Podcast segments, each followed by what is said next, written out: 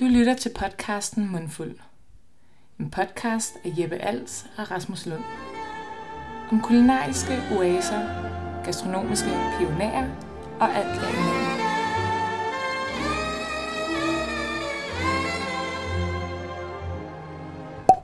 Lidt lækker, frisk, crisp, efterårssol i nakken her.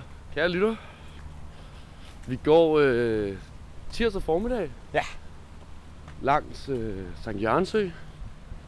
Solen skinner, og vi prøver ligesom lige at trække det sidste, det sidste solstråler ud, inden det hele det bliver, øh, bliver mørkt og gråt. Et sted, som formentlig aldrig bliver mørkt og gråt, Ja. er der, hvor vi kender i dag. Vi skal ned og snakke med, øh, med Birk Voss. Birks Bistro, Birks Brasserie. Kær mange, mange navne. På hans øh, restaurant Brasserie Prins, Yes, sir. som ligger hernede for enden af søen på øh, Gamle Kongevej. som måske er det afsnit, vi har teaset allerlængst for i, i foretagendes historie. Det kan man så godt sige, ja. Øh, men det er der en helt særlig grund til. Lige netop det her sted, det forener simpelthen så mange ting, som vi både i personligt øje med og i podcastens profil har gået meget op tidligere. Det er en kombination af øh, Dave Harrison, tidligere chef de cuisine på Au Passage, Ja. og så er det Birk Voss, en mand, som en, godt vi kan til at sige, en relativt stor mediepersonlighed i Danmark har kaldt for Københavns bedste vært. Simpelthen. Og som på en eller anden måde altid formår at skabe en stemning, som alle har lyst til at være en del af. Det kan vi i hvert fald lide. Det bliver helt kanon. Vi har glædet os. Ja. Velkommen til øh, dette afsnit af Mundfuld Podcast. Jeg hedder Rasmus Lund. Jeg hedder Jeppe Als. Let's go. Knap. Okay, nu går det ned. Nu går det ned. Nu sker det. Ja. Birke, tak fordi vi kunne komme. Først og fremmest. Jamen, I er altid velkomne her. Det er et hyggeligt lille øh, hjørnespot, vi har fået her på det runde marmorbord, når man kommer op ad trappen ved siden af baren til første korridoren herovre. Ja. Hvad hedder det? Det første, vi skal lægge ud med, det er, øhm, hvad, er, hvad er forskellen på en, øh, på en bistro og et brasseri? Åh, oh, nu træder du ned i noget af det mest, øh, en af de mest diskuterede emner i den københavnske restaurationsbranche. I hvert fald siden øh, 6. april, da vi åbnede. Fordi at det er der godt nok mange mennesker, der har en mening om. Ja, det har vi da mærke til. og de er glade for at ytre den også. Ja, det må man sige. Og øh, altså, jeg tror, at øh, for mange københavnere eller danskere, så er øh, øh, en bistro en knap så fin restaurant, hvor øh, maden er meget umiddelbart og, og, og lidt mere øh, bundsk end, end øh, sådan fine dining, kan man sige. Øhm, og det er slet ikke sådan, vi forstår det. så selvom at det er sådan, øh, i det her setup er, hvor vi tit bliver beskyldt for at være en bistro, mm-hmm. som der ikke er noget galt med, altså øh, overhovedet. Men det, altså, med den type kunst, vi har på væggene, og de meget intense farver, og øh, tjener, som ikke øh, går i hvide skjorter, butterfly og hvide jakker Mm. og hvide handsker, så øh, er der mange, der har en idé om, at det her er i hvert fald en bistro. Sådan som vi forstår begrebet, øh, Dave og jeg, øh, min kompagnon og køkkenchef, så er en bistro øh, et lidt mere sådan et hverdagssted, mm. øh, som måske har en lille menu på 5-6 retter, og der er åben frokost til aften, og det er lidt mere sådan café-agtigt. Mm-hmm. Og øh, det kan gå rigtig hurtigt og være rigtig sjovt, men det kan også øh, bare være sådan et hverdagssted. Mm. Øh, og jeg tror, at den måde, som vi forstår øh, brasserie-tanken på her, er et sted med et lidt større menukort, øh, hvor der bliver brugt lidt mere tid i køkkenet på retterne, Mm-hmm. hvor man koger lidt mere. Altså, hvor man koger fanger over flere dage og laver sin charcuterie selv, i stedet for bare at købe den. Mm-hmm. Nogen, der er gode til at lave det. Øhm, og, og så har det der sted, som emmer af, af puls og aktivitet og, og, øh, og travlhed. Så det er lidt sådan, vi forstår det. Okay.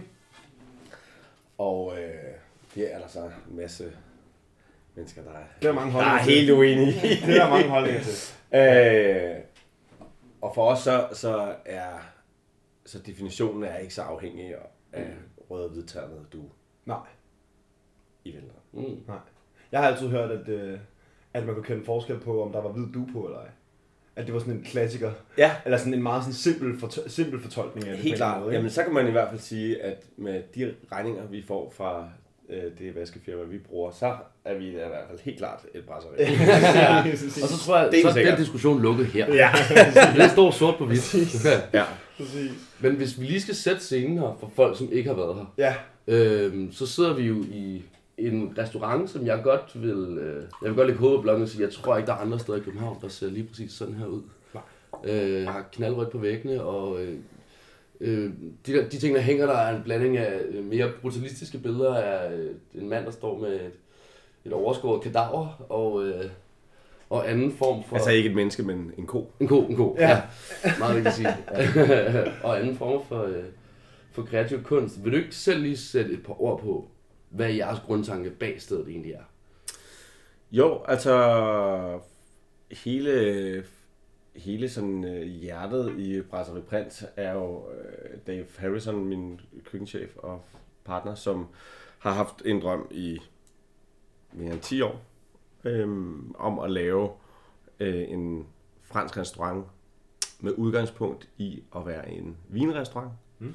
med et virkelig godt, stort, seriøst vinkort Mm-hmm. både med ting, der er sådan mere klassisk orienteret, men selvfølgelig også rigtig meget af, det vin, som både mig og ham er opdraget med, som er vine uden øh, tilsæt, tilsætningsstoffer og kemikalier. Mm. Øhm, I den restaurant øh, skal der laves mad fra Frankrig, og der skal laves øh, mad på en måde, hvor man ikke genopfinder det franske køkken, men hvor vi prøver at vise rigtig meget af det franske mad, som man ikke ser så meget i den her by. Øhm, Som for eksempel. jamen som øh, altså friteret øh, ravioli med bladbed, som er en klassisk ting i Alsace for eksempel. Mm. Eller en øh, lille tærte med braseret øh, blæksprutte og tomater. Provence-stilen. Øh, ja, Cetois, øh, Languedoc Roussillon. Mm. Så sådan meget sydligt, og, og vi vil gerne ligesom både vise den der, måske sådan lidt mere klassiske indmads øh, stemning, som man ser meget i Lyon. Mm-hmm. Øh, og også nogle af de nye øh, spændende ting fra Paris, men også, vi vil ligesom gerne komme hele Frankrig rundt, både med det mad, som vi viser, men også med de vine, vi har. Så det ikke kun er vine fra Bourgogne og, mm. og Jura, men det også er øh, Cahors og Alsace og Savoie og Rhône, for den Mm. sags skyld. Ikke? Så tanken har, har ligesom været med det her, at, at vise noget af det gamle Frankrig, eller det rigtige Frankrig, Mm-hmm. Øhm, og så samtidig lave et sted, som fra dag 1 skal føles øh, autentisk. Mm. Og for nogle er det voldsomt, og for nogle er det hjemligt. Og øh, det har også været tanken at prøve at lave en restaurant, hvor man, uanset om man har 40 eller 80 gæster, at det i de forskellige afdelinger, der er i restauranten, føles, øh, at der er en stemning af, at der ikke føles tomt. Mm. Der altid er en puls. Mm. Så arbejder vi som sagt sådan rimelig klassisk, og på den måde øh, har vi, er vi meget inspireret af sådan nose to tail øh, begrebet, så vi arbejder med hele grise fra Bilsminde og lam fra Langebjerggård, og altså prøver at lave så meget som muligt fra bunden.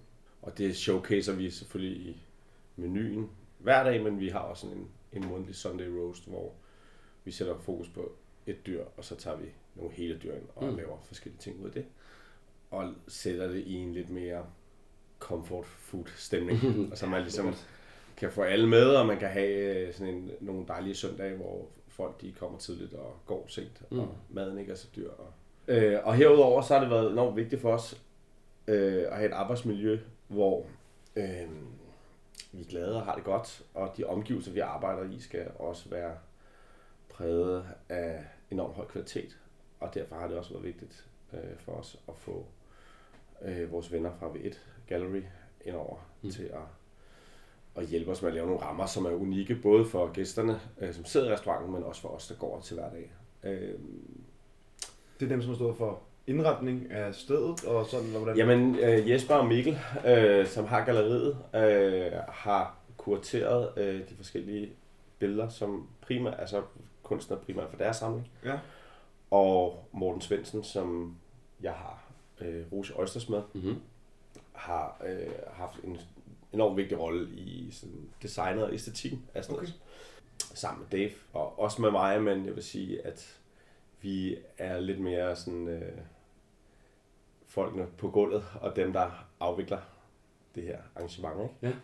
Vin har et kæmpe fokus, og så, øh, og så kunst. Mm. Det betyder rigtig meget. Det mærker man meget, når man kommer ind, og jeg føler, at, øh, at den røde farve, og inde i den grønne korridor derinde, at, at sådan, det gør også noget fedt ved restauranten, som vi også faktisk nævnte i vores forrige afsnit, hvor vi teasede lidt, Ja. at, øh, at den har de her sådan, tre enheder, man kan bevæge sig rundt i, sådan, så det Mm. ikke bliver et stort rum, som du siger, og man kan sidde i hver sit hjørne, men man hele tiden er Mm. i sådan et eller andet element, hvor der, der sker noget rotation, og I kommer ligesom på tværs af alle de her tre rum, Ja. med, med maden og med vinen. Og, og det, det, det, det, sådan, det, det skaber et fedt flow, at man kan gå lidt ind og kigge de andre steder også, når man lige skal... Ja. Ja. Det var, det var i hvert fald... Øh, vi kan godt lide sådan tanken om, at når folk de går forbi og kigger ind, så ligner det en bar med to borde.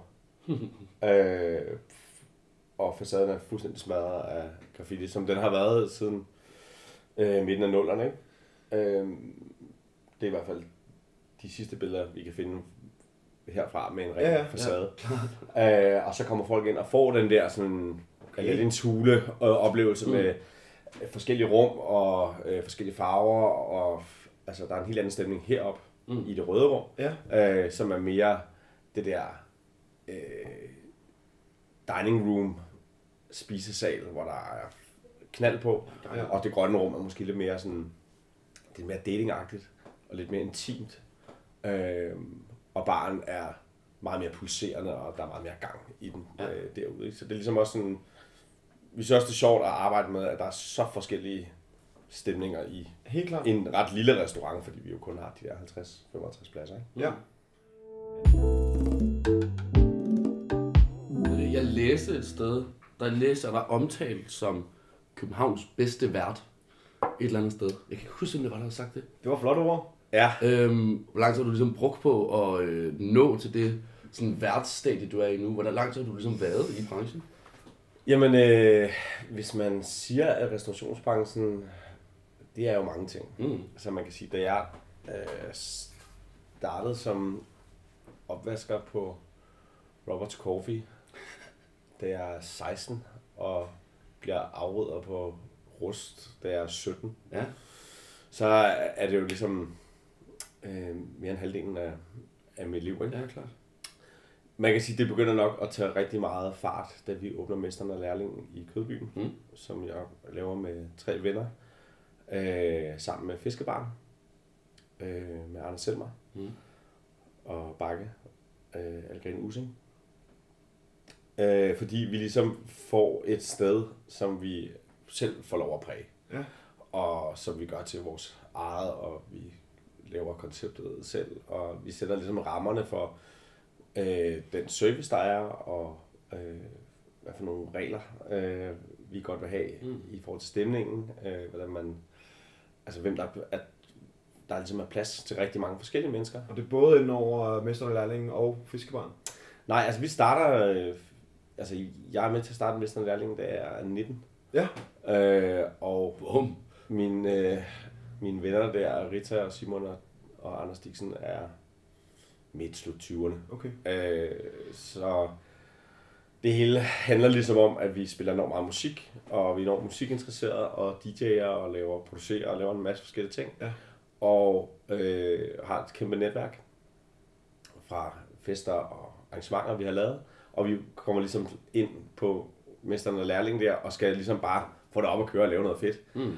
Og der er ligesom ikke rigtig nogen, som tager den der bar, som jo er en stor del Mhm. mm-hmm. af det at have et sted, det er Klart. og jeg, kan godt se, at det er ligesom... Øh, Den ligger på dig. Det er dig. Den ligger sgu nok lidt på vej, den Det er der, ikke? mand, der Også fordi, at jeg også er den eneste, der har noget erfaring bag Ja, ja. fra øh, barmiljø og natklub og sådan noget. Det er yngste, der tager den. ja, ja. Så jeg tager den der og ansætter min bror og hans kæreste og en masse af vores venner, som er 10 år ældre end mig. Ikke? Ja. Øh, og så får vi det der øh, sted op at svinge. Som det gør stadig. Og som det gør stadig, og som det er en fantastisk butik. Det må, øh, det må man sige. Vi hænger der meget. Jeg vidste faktisk ikke, at du havde været med til at starte det. Det er ret Nej. sjovt. ja. Vi har mødt dig dernede en gang, men jeg vidste ikke, du Ja. var, øh, at du var med bag ved linjerne i sin tid. Jo, jo, altså der lå en slagterbodega, øh, som havde åbent fra 8 om morgenen til 2 om eftermiddagen. Det lyder som et hårdt Okay. sted, en slagterbodega. Jamen, det var rigtig voldsomt. Altså, det var sådan noget med, at slagterne, som arbejder om natten, Ja. det er natarbejde, Klar. øh, dyrene kommer ind om aftenen, og så øh, altså døde, og så skærer de op, og Ja. ja. slagter laver udskæringer, og er ligesom er klar til Inko åbner der klokken 06, ikke? Ja. Og så er de færdige der, og skal ligesom ud og, Fyr den af. og føre den af, ikke? Så, så det værtshus, som vi overtog, øh, var et værtshus med store fade til 20 kroner, og cerutter og poker i baglokalet. Yes. Øh, så da vi ligesom skulle... Vi startede med også at lave smørbrød, fordi der var en klausul for Københavns Kommune om, at vi skulle have, øh, Vel med. at vi skulle have mad og sådan noget der. Det meget sådan kødbys Ja, ja, selvfølgelig. at der er alle mulige regler. Lokalt. Øhm, og så lavede vi ligesom sådan et koncept med, at vi havde smørbrød om dagen, og så øh, kørte vi altså den der natklub op, som det jo virkelig, som det er. Altså man kan, sige, man kan godt sige, at mesterlærling er en bodega eller en bar, men, men med det setup og med den mængde mennesker og de ting, vi lavede og sådan noget der, så endte det med at være mere og mere klub. Øh, perspektivet var bare, at det skulle være det sted i Kødbyen, hvor der ikke var elektronisk musik. Fordi Okay. okay. det så man meget Mm. på øh, Jolene og øh, KB18, og, øh, som ligesom var de steder, der startede Kødbyen, og så senere med Bakken, som også har Klart. et lidt hårdere sådan, udtryk på, på musikken der, ikke? Øh, og KB3 og alle de ting, der. Yes. så kom sidenhen. Men så er det jo klart, når man er, er barchef, eller man ligesom har sådan en, en daglig øh, gang på sådan et sted, så søger man jo også nogle kollegaer. Mm. Og de kollegaer for mig blev så restaurantchefen og sommelieren og køkkenchefen inde på fiskebaren. Ah. Øh, både fordi, at, øh, at fiskebarholdet jo ligesom var ejere af mesteren og lærlingen, mm. og vi jo bare lavede sådan en forpakning, eller fik det op at køre for dem. Øh, så vi havde også meget sådan samspil og lavede, altså havde mange sådan ting. Det er meget mere end at gøre. Altså, øh, ja, og øh, alt fra sådan noget købsaftaler med forhandlinger, rabatter og Mm. alle de der kedelige Ja. ting. Øhm, og det var jo måske sådan lidt det, der starter, at jeg kommer sådan lidt ind ad bagdøren i den sådan finere øh, restaurationsbranche, fordi ja. at øh, mine kollegaer, de jo så var lidt mere interesserede i at drikke virkelig god, saftig naturvin, I stedet for bare at drikke fandme brankeshots. i stedet for store fadøl der, når de havde fri. Ja. Ja. Øhm, og man kan sige, at vi havde lidt, vi, vi havde lidt det samme liv på den måde, at Fiskebaren dengang var øh, en af de eneste restauranter, i, som, jeg- eller hvor jeg har, som jeg har oplevet, med, både med et højt gastronomisk niveau, ja. god service, kæmpe vinkort, men også et sted, hvor du kunne komme øh, klokken halv to Ja. om natten, og der stadig var fuld smæk på, Ja. og der stadig var en levende bar. Altså det er meget, det er sådan noget, som jeg ser rigtig mange restauranter. De siger, de godt vil det, De præcis, men de går ikke, at men de går ikke planken ud. Nej. Fordi det er, øh, det som Fiskebank kunne dengang var et super, super hold, som havde ambitionen om at altså, have hele branchen, der stod og Yes. drak vin Mm. klokken to om natten. Præcis. Øhm, og det, specielt de første sådan, så fire år, der var der med gang i den. Ikke? Så vi sluttede ligesom, altså vi lukkede klokken tre, det gjorde de nærmest også, og vi var alle sammen færdige klokken fire og skulle på sommersted, ikke? Jo, jo, klart. Yes. Så øh, Altså, en af rafle ved ternet, du. ja, ja, ja. Og altså... Det lyder sjovt, til gengæld. Ja. Og det lyder som om, der har været gang i den. Ja, der var, meget, der var rigtig meget gang inden dengang. Øhm, så, så jeg fulgte jo lidt ad med de folk derinde, øh, og, og blev mere og mere interesseret i det der miljø, øh, og lærte at spise østers og sådan Mm. nogle ting. Så der blev du for første gang rig og glad. Ja, ja det, øh, det var i hvert fald på den første, min første tur til Paris. Sådan. Ja. Grineren. Øhm, og så begyndte jeg ligesom at bevæge mig mere og mere over i sådan, altså den der øh, del af restaurationsbranchen med at gå på restauranter og ud og drikke vin og begynde at lære rigtig meget om det og, og engagere mig i det. Øhm, og Fiskebaren havde en ambition om at åbne en lille søsterrestaurant. Mm. Øh, og så tror jeg lidt sådan for også lidt at holde på mig, så, øh, så sagde jeg, nu gør vi det, og så tager vi Birk med. Der. Ja. Og så skulle vi lave musling inde på Israels plads. Mm. Ja. Øh, og den åbnede i 15, tror jeg det har været. Det tror jeg også, min research sagde mig i dag. Ja. 15. Mm. Sådan noget start oktober eller sådan noget. Øhm, og jeg var med der i et år. Og prøvede stadigvæk at lave alle de sådan, projekter og festivaler og sådan noget, jeg havde øh, på siden der. Mm. Øhm, og så, øh, så havde vi et dejligt sted derinde, og jeg kunne mærke, at sådan, nu havde jeg ligesom brugt min, min energi øh, der. Så jeg vil gerne videre og fortsætte så med at lave øh, konsul, altså være konsulent i fiskebarne og lave Mm. mm. fester med dem og festivaler og Mm. sådan noget der. Og så går fiskebarn ind i Rouge øh, på Gamle Kongevej og laver sådan et samarbejde med Morten der, som øh, ikke har tid til at øh, holde styr på den lille butik der. Og de spørger sig, om jeg vil ligesom i sådan en konsulentrolle prøve at hjælpe dem med at få gang i det der sted, ikke? Mm. Og lave Københavns første sådan Østersbar. Ja. Ja. Og det siger jeg så nej til en 4-5 gange, eller sådan noget. øh, men problemet er så, at jeg bliver ret gode venner med Morten Ja. i hele den proces, fordi vi også laver chart øh, sammen med V1 Gallery og nogle andre folk. Mm. Og så øh, ender han med at spørge mig, om jeg kan lyst til at være en del af det, og så, øh, så siger jeg ja, og siger ja til sådan en prøveperiode på tre måneder. Mm. Og, Så kommer du aldrig ud derfra igen. og, så er der gået, og så er der gået øh, fire år, og jeg Ja, præcis. er medejer. Og, Og nu sidder du tungt på Gamle Kongevej. Ja. og det er jo det lidt svært øh, at komme væk fra Gamle Kongevejen. ja. Det gør jeg da ikke noget. Nej, nej. Altså, jeg vil sige, der var godt nok ikke meget gang i den her, da vi åbnede for. Nej. Eller, altså Rose var jo åben, inden. Mm. jeg kom til, men da vi ligesom fik, fik fart på og, og gang i den, der, der var der ikke rigtig... Altså, Mm. der var, der var nogen, der kom sent og troede, at Rose var Amigo Bar. Åh, oh, nej. Øh, oh, nej. Og vi var sige, det er ligesom ikke her. Nej. Eller folk kom væltende ind, fordi de troede, de gik ind på Larsens plads. Ja. Som jo er naboen, ikke? Lige Altså, vi var sådan, det er slet ikke det her. Der kan så jeg jeg sådan her, hvad er det der Østers og vin og sådan noget der? Ja. Slet ikke. Helt skildret. Ja, fuldstændig. Du skal bare egen billeder. Ja, Den connection kender jeg godt, fordi så sent som i fredags var jeg faktisk på vej på Larsen, så ender med at sidde og drikke en flaske vin på Rouge. i stedet Ej, det er klasse. Så jeg kender godt den connection, skal jeg Ja. så sige. Uh, Også passende, når man går forbi der. Ja. Så der er sket meget i den her bydel, og vi øh, har et enormt godt samarbejde med Philip, der har Tjekolo og Manja, mm. øh, hvor vi snakker rigtig meget om det kvalitative niveau Mm. i området. Øhm,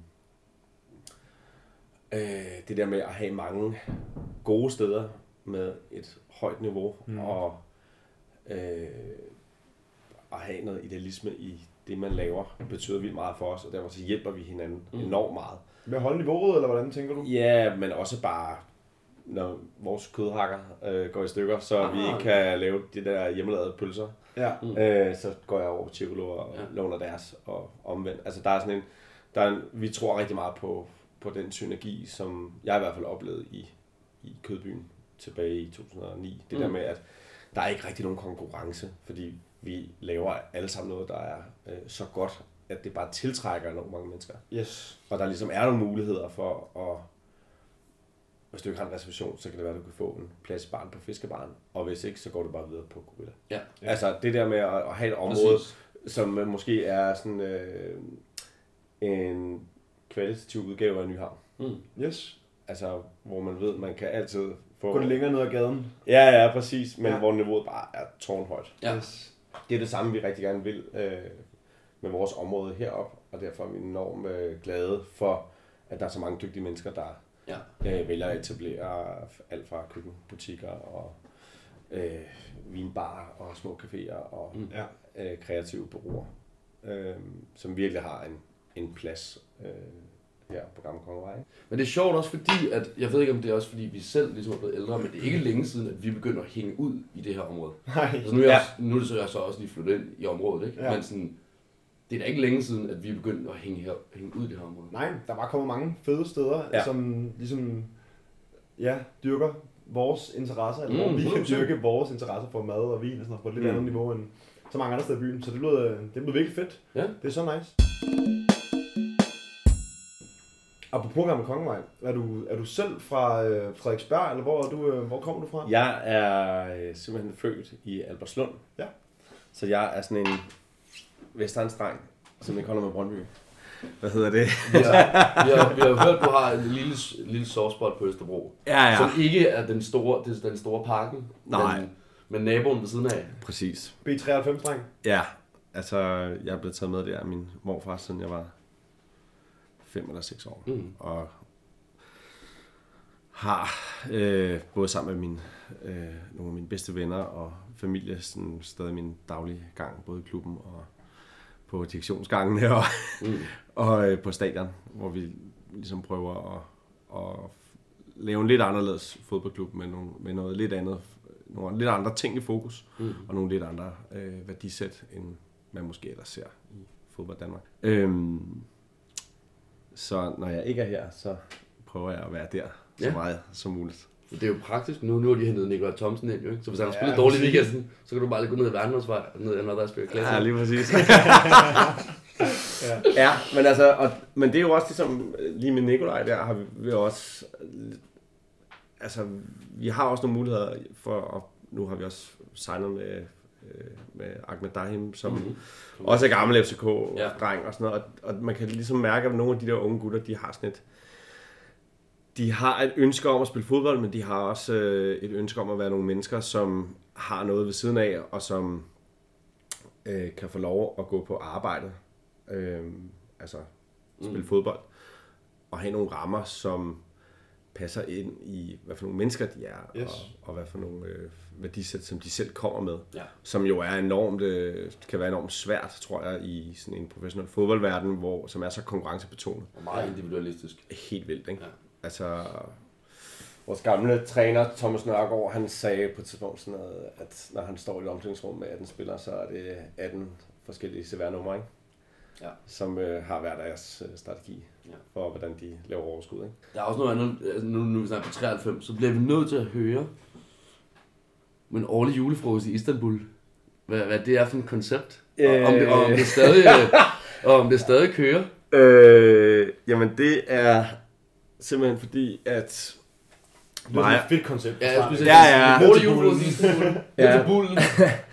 mig og min gode ven øh, Anton Rothstein, vi, øh, som også, øh, som jeg har vokset op med, og som også altid har været med på Østerbro Stadion, øh, vi begynder at lave meget aktivt fanklubarbejde i, det har måske været i 2013-14 stykker. Øh, og vi har nærmest samme alder som spillerne. Mm. Og det betyder, at vi har mange af de samme referencerammer. Vi bruger lige så meget tid i klubben, som de gør. Og vi får et enormt stærkt bånd til øh, klubben, fordi at der ikke er et specielt professionelt setup. Og det gør, at B93 bliver sådan et... Altså den måde, man går til fodbold på, det er, at, at vi som fans bare går ned i omklædningsrummet bagefter. Mm. Og hænger ud med spillerne og drikker en øl. Ja. Og øh, begynder at se den privat. Og holder, vi holder ligesom afslutningsfest med fanklubben og førsteholdet sammen. Okay, Altså, altså, unikt. Så, så, så det er ligesom, altså vi kæmper ligesom rigtig meget for mange af de samme ting, og derfor så ender vi med at blive rigtig gode venner med øh, Martin Heisterberg, der anfører, og Oljai Snugly, og nogle af de andre gutter der omkring øh, førsteholdet.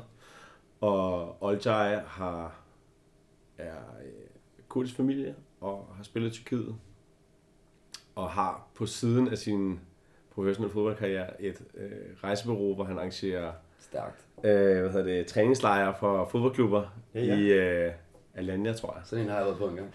det er klasse. Sådan noget det er, ikke? Fedt. Så der er ligesom, det er ligesom om, at de der billetter med Turkish Airlines til Istanbul, der, de bliver simpelthen ikke billigere. øh, der er en, en, en helt fantastisk fodboldklub dernede, som vi alle sammen har en relation til, som hedder Besiktas. Mm. Som er den eneste øh, fodboldklub i Tyrkiet, som anerkender det kurdiske folk, Mm. og som har en, øh, sådan en, en antifascistisk øh, fangruppering. Og som er øh, noget af det vildeste sådan, oplevelsesøkonomi, man kan komme i nærheden af. Mm. Med sindssygt mange mennesker på stadion, og enormt meget koordineret tifo-arbejde, og enormt mange skønne mennesker. Øh, og en meget smuk del af Istanbul, øh, som virkelig er inspirerende at besøge. Og det har selvfølgelig været meget sådan noget med ude at se øh, altså gammel ark- arkitektur og Mm. moskéer og, og spise på nogle af de nye smarte restauranter, men også på rigtig meget af det gamle. Øh, de gamle fiskemarkeder i Istanbul og, Mm. og sådan noget der. Er, der, kom- er der kommet mange nye smarte restauranter i Istanbul? Ja, altså Istanbul er jo ligesom den, altså det er jo ligesom den europæiske del af Tyrkiet, Mm. som er meget øh, vestligt orienteret. Og selvfølgelig så skal man ikke så langt ud fra Istanbul, før at det er en helt anden Klart. sag, men, men, øhm, men der er enormt meget europæisk indflydelse, både sådan på koncepter og måder at arbejde på, og, øh, og sådan det kvalitative niveau er også tårnhøjt. Mm. Det er bare øh, en by, hvor der bor 10 gange så mange som her. Mm. Så der er også 10 gange så mange gæster. Ja, klart. Og folk går virkelig, altså folk går mere ud i Istanbul, end de gør i Paris. Så det er sådan en, Det er højt det er virkelig en, en gryde, der koger Ja. konstant. Og det er umuligt at få borde, og folk, de... Der er masser af restauranter, som er sådan nogle raki-restauranter, hvor du drikker, altså du spiser, men du drikker også rigtig hæftigt. Og efter kl. 11, så står så folk står seriøst på bordene og stolene og danser. Det lyder fedt. Og det er super fedt og mega inspirerende og, og virkelig sjovt at opleve. Øhm, så man kan, man kan udlede mange af de der øh, ting af de der øh, steder, som gør det så meget anderledes. Og det er jo også øh, derfor, at jeg altid har, har rejst så meget øh, og gået på øh, restauranter, uanset hvor i verden det mm. har været. Ikke? Mm. Øh, så Tyrkiet er ligesom blevet sådan en, specielt Istanbul er ligesom blevet sådan et, det er enormt interessant at se det der møde mellem øh, det gamle øh, osmaniske øh, rige og øh, det nye Europa og øh, ligesom den del af Asien, Ja. som Tyrkiet jo også er. Ikke? Ja. Øhm, og det, og det er jo, jeg tror jeg er rigtig sundt for mange mennesker at, at forstå, hvor, hvor tæt på Tyrkiet er, og hvor langt væk det er Mm. Mm. på samme tid. Øhm, og det er så øh, opdelt et land med så mange forskellige kulturer og folkeslag og politiske holdninger. Øhm, og meget konservative mennesker og Ja. folk, der tænker enormt moderne. Ikke? Ja. Øhm, så det har været virkelig spændende at opleve. Mm. Mm. Sammen med nogle rigtig gode fodboldgutter. Altså, Det gør det også kun bedre, ikke? Jo, jo. det må man sige. I, øhm, I forlængelse af det med at rejse og opleve andre kulturer, andre måder at gå ud på, så kunne jeg godt tænke mig at spørge, om du har sådan en oplevelse eller et eller andet sted i din erindring, som ligesom er ledestjernen for den service og, og den oplevelse, som du gerne vil levere og som I gerne vil levere her på Brasil Prins. Altså, jeg, jeg tror, at jeg sådan, jeg har altid vægtet øh, servicedelen øh, som noget af det allervigtigste på restauranten. Og jeg tror, at det som øh, vi gerne vil her, med et lille sådan fasttømret øh, team, hvor mange af os er fuldtid, med øh, Mathieu Valentin, som er vores øh, sommelier, Mm. som er fra Sydfrankrig, øh, som er enormt dygtig på vinen, men som også har et meget afslappet øh, og en meget rolig service, hvor der er enormt meget tjek på tingene, men hvor gæsterne heldigvis ikke opdager, øh, hvor meget hvor meget tjek øh, på tingene, der i virkeligheden er. Mm. Ah, okay, Øhm, den anden vej rundt, i det er stedet det. for Ja, at ja. skjule... øh, Altså, og det er jo lidt det der med sådan at bare være på arbejde i en t-shirt og, Mm. øh, helt ned på jorden, og øh, men bestikket ligger snorlige og glasset er pudset. Ja, Ja. Det ser skarpt ud. Ikke? klart. Så altså man kan sige, jo, jo mere jo mere dedikeret og tjekket du er i din service, jo mere afslappet bliver den også. Mm, no. Og det, og det tror jeg også er noget, som jeg altid sådan har fået med fra øh, Anders, min gamle chef på Fiskevaren, som var den første øh, restaurantchef på Noma. Øh, altså Noma og København blev kendt for at have noget af det mest casual service i hele verden, men også noget af det bedste. Mm. Og for mig hænger det enormt meget sammen, at man byder folk ind eller velkommen på sin restaurant, som om, at det var øh, derhjemme. Mm. Og man anerkender gæsten, og prøver at få gæsten til at være i en så komfortabel situation som overhovedet muligt. Mm. Øhm, og det der med at tage gæsten seriøst og svare på alle de dumme spørgsmål. Øh, og være med til at, at skabe en setting, som ikke er nervøs. Ja. Det er totalt øh, nøgleord, Mm. må man bare sige. Øhm, og vi har masser af svære gæster, som synes, det er underligt, at vi ikke har en bøf, men der er komave. Eller at man ikke kan øh, få blommuslinger, men der er kalvehjerne. Så kunne man lige tjekke menukortet hjemmefra. det kunne man også. Det er jo, det er jo så Det må man ikke sige til dem. Nej, og det, det skal man netop Skal man ikke sige. Man Nej, skal netop man sige, øh, jamen, så prøver vi måske at prøve med den her øh, øh, andif-salat med roquefort og valnødder. Det er måske, så går vi, det er lidt mere Ja. forståeligt. Ja. Øh, altså, måske du skal have tartatin med karamelliseret løg og creme cru. Det er også rimelig no-brainer. Ja. ikke? Altså, det er ligesom, vi har mange af de der gæster, som kigger på kortet, og de, du kan se på dem, skuldrene sidder helt op under ørerne, Mm. og de er lige ved at smutte, ikke? Og så skal du lige Præcis. give dem den der massage, og lige få dem helt ned. Ja. Øh, og, og prøve at, at sige, at vi er bare en restaurant, og vi præsenterer bare noget mad, som I måske ikke er så vant til, men det er jo også lidt det, der er det sjove. Mm. Og vi skal gøre nok gøre alt for, at oplevelsen øh, omkring det her mad bliver enormt rar. Mm. Øh, fordi ellers så tror jeg heller ikke, at man kan eksekvere og vise nogle af de ting, som vi gør. Fordi det er enormt voldsomt. Mm. Altså, tingene ser vanvittige ud, og øh, dufter øh, specielt, og, Ja. og smager anderledes. Øh, altså, i nogle perioder næsten halvdelen af, af kortet kan være rimelig specielt. Ja. For folk, som ikke er vant til at spise kirtler og indmad øh, og øh, retter, som er blevet opfundet øh, i 1800-tallet. For eksempel. Ja. Men det er jo den klassiske floskel, det der med, at øh, man skal kende reglerne, før man kan bryde dem. Ikke?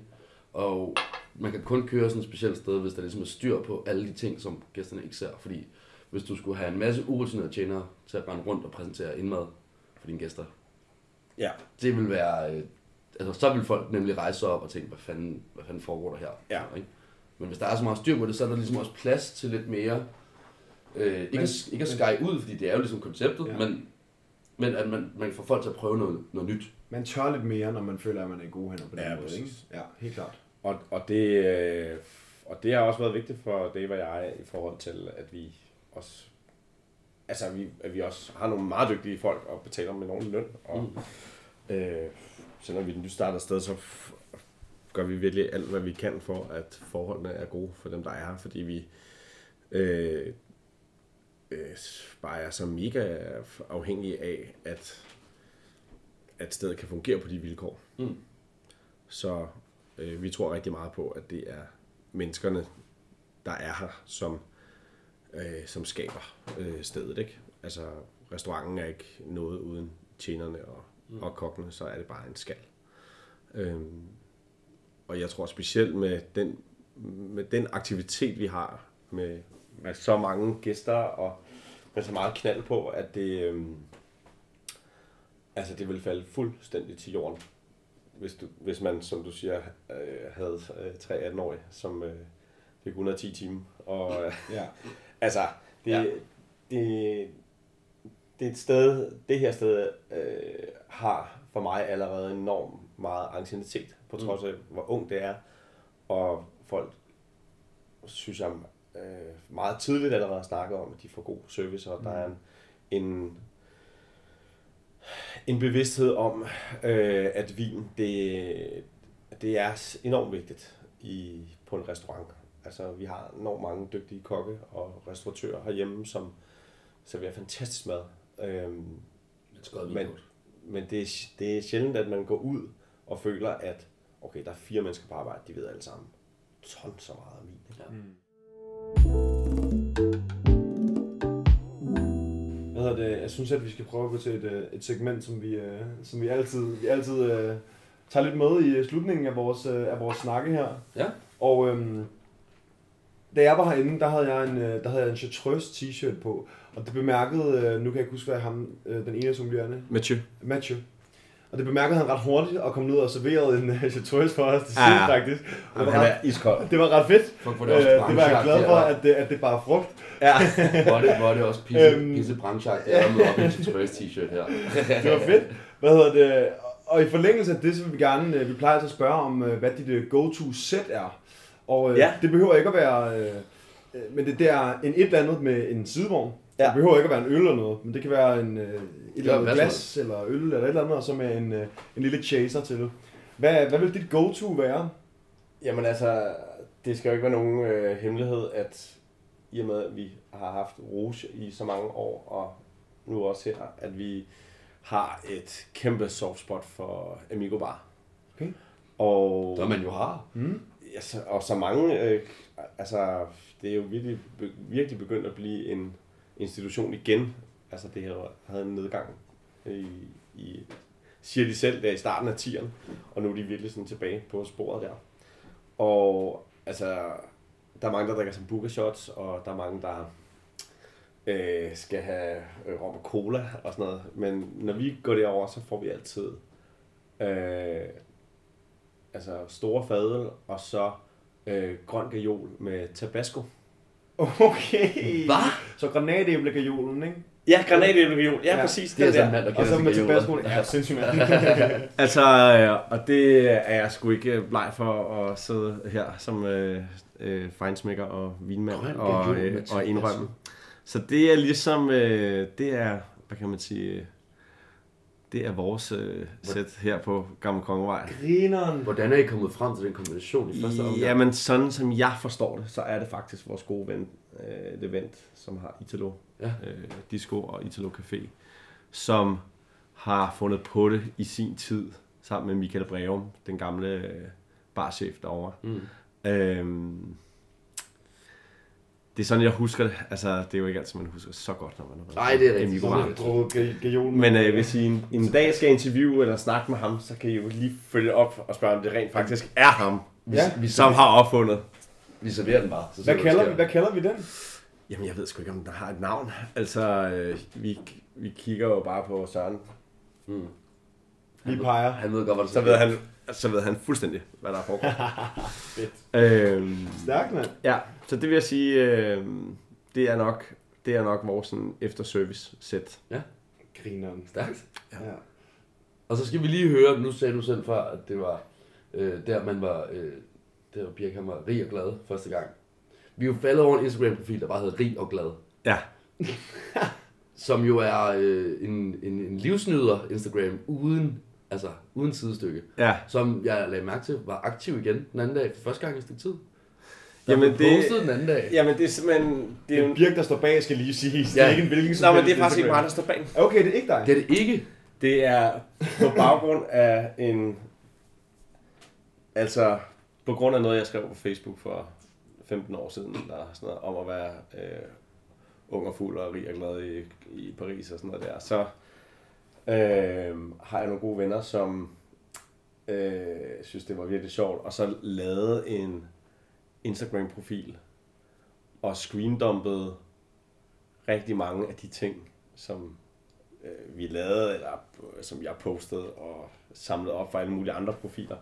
Og så skrev jeg sådan nogle altså ret voldsomme quotes, altså som... Ja, fuldstændig. Øh, fuldstændig. Altså, det er virkelig sådan noget, det er, sådan, det er måske sådan en, en gastronomi, Niklas Bender. Ja. Øh, altså, det er lidt blevet sådan alter ego.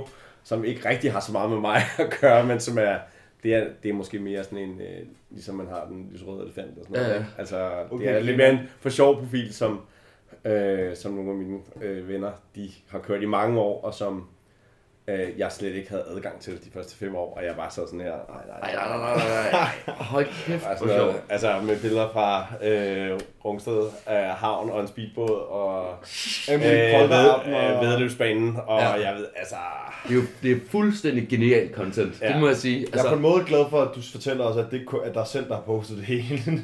Altså, som, jeg tror, øh, jeg vil sige, jeg har ikke et ego på det niveau endnu. Okay. Det kan Ikke være, det kommer, men, men Rig og Glad profilen er, Jeg synes, den, det er den er nogle andre, der har skabt. men har, der, eller, har du oplevet, at der er folk, der har set profilen, og så tænkt, du var en oplæst øh, nar? En, Altså heldigvis, så er det, så er det mange mennesker, jeg kender, der, der, der følger den og har delt den og sådan noget der.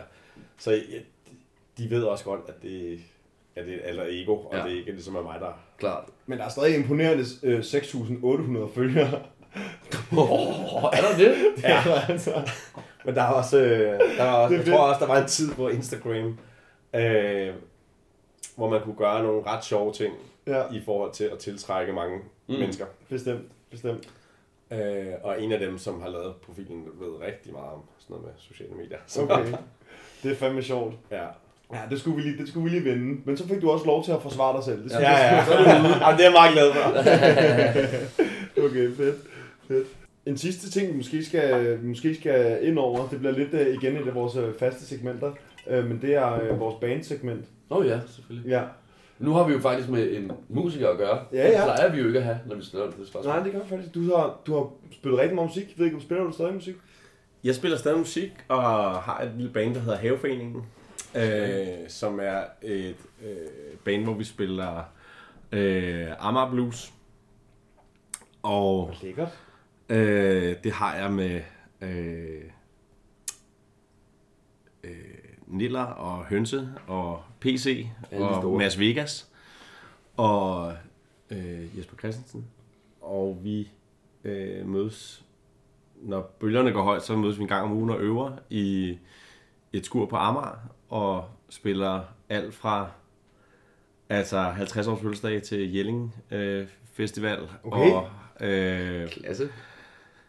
Altså, og spiller altså cover øh, og vores egne numre, og har en virkelig sådan skøn, et skønt øh, fællesskab Mm. omkring det der med at spille musik. Og, og så er der jo virkelig god mad og drikke vin og sådan noget, men, men øh, at det ligesom er musikken, der, øh, der løfter det der. Mm. Og det er et sindssygt dejligt frirum at have Ja. i, i sådan en, altså Forholdsvis hektisk hverdag. i en hektisk hverdag, men også hvor ens øh, sådan fokus hele tiden er mad og vin. Ja. Mm. Altså, og det hele tiden er øh, også noget af det der kedelige bestyrelsesarbejde og øh, yes. procenter og alle de der lidt tungere ting, som man også skal tage sig af, når man har et sted.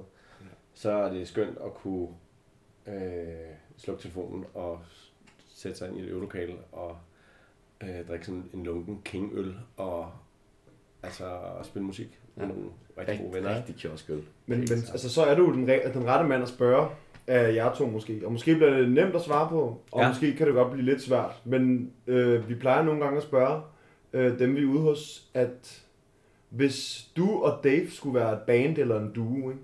altså Ja. et band, der eksisterer, hvad, hvad, skulle det, hvad skulle I så være? Oha. Jamen altså, øhm, jamen altså Dave, han er jo, øh, han er jo ligesom, øh, han er jo rockstjernen i mit liv, ikke? Mm. Altså, øh, det er jo den her øh, smukke amerikanske øh, mand fra Texas, som både kan tale øh, flydende fransk og dansk og amerikansk, og øh, agerer som en superstjerne i sit køkken, ikke? Mm. Og jeg er måske øh, lidt mere... Øh, øh, ham den tykke pladeselskabsmand, der står øh, om bagved og trækker i trådene og skriver kontrakterne, ikke? Nå, men ham der får tingene til at ske. Ikke? Og, og ham, der får tingene til at ske. Så øh, jeg vil sige, Dave, han er min David Bowie. Og øh, så står jeg bagved. Hvor er det, Sådan. Er det smukt. Ja, det er en fin, det synes jeg er, en, øh, det synes jeg er et godt svar. Ja. Og øh, på den note, Ja. på en lille David Bowie, det kan være, at vi skal for en gang skyld klippe musik ind over, Ja, det kunne så være den lækkert. slutter, den Ja, fader ud med en lille Bowie-sang. Ja, det synes jeg, vi Ja. gør. Det synes jeg, vi gør. Ja. Hvad det? Tusind tak, fordi at, øh, du ville øh, bruge lidt tid sammen med os her til formiddag. Det har været, øh, det har været mega hyggeligt. I lige måde. Og øh, til alle, der sidder derude, skynd jer at, at booke lidt i forvejen, hvis I gerne vil have noget at spise, fordi Det bordene, bliver kun værre. Anyway. ryger hurtigt. Øh, så husk at booke jeres øh, 40 års til, til januar, og, og alle de andre smukke ting, I skal ud og fejre. Ja. Eller kom forbi, man kan sidde i baren, ikke sandt? Man kan altid øh, være ind og få øh, en plads i baren. Og øh, ja, vi prøver, vi prøver altid at få plads til de øh, mega seje mennesker, der tør at gå ind på en restaurant uden reservation. Ja, tak. Ja, tak. Skud det. Fedt. Øh, husk at gå ind og anmelde vores podcast på øh, Apple Podcast appen. Det øh, er hjælper os fremad. Det, her, det, øh, det var vist det sidste her. Ja, tak for den gang. Tak for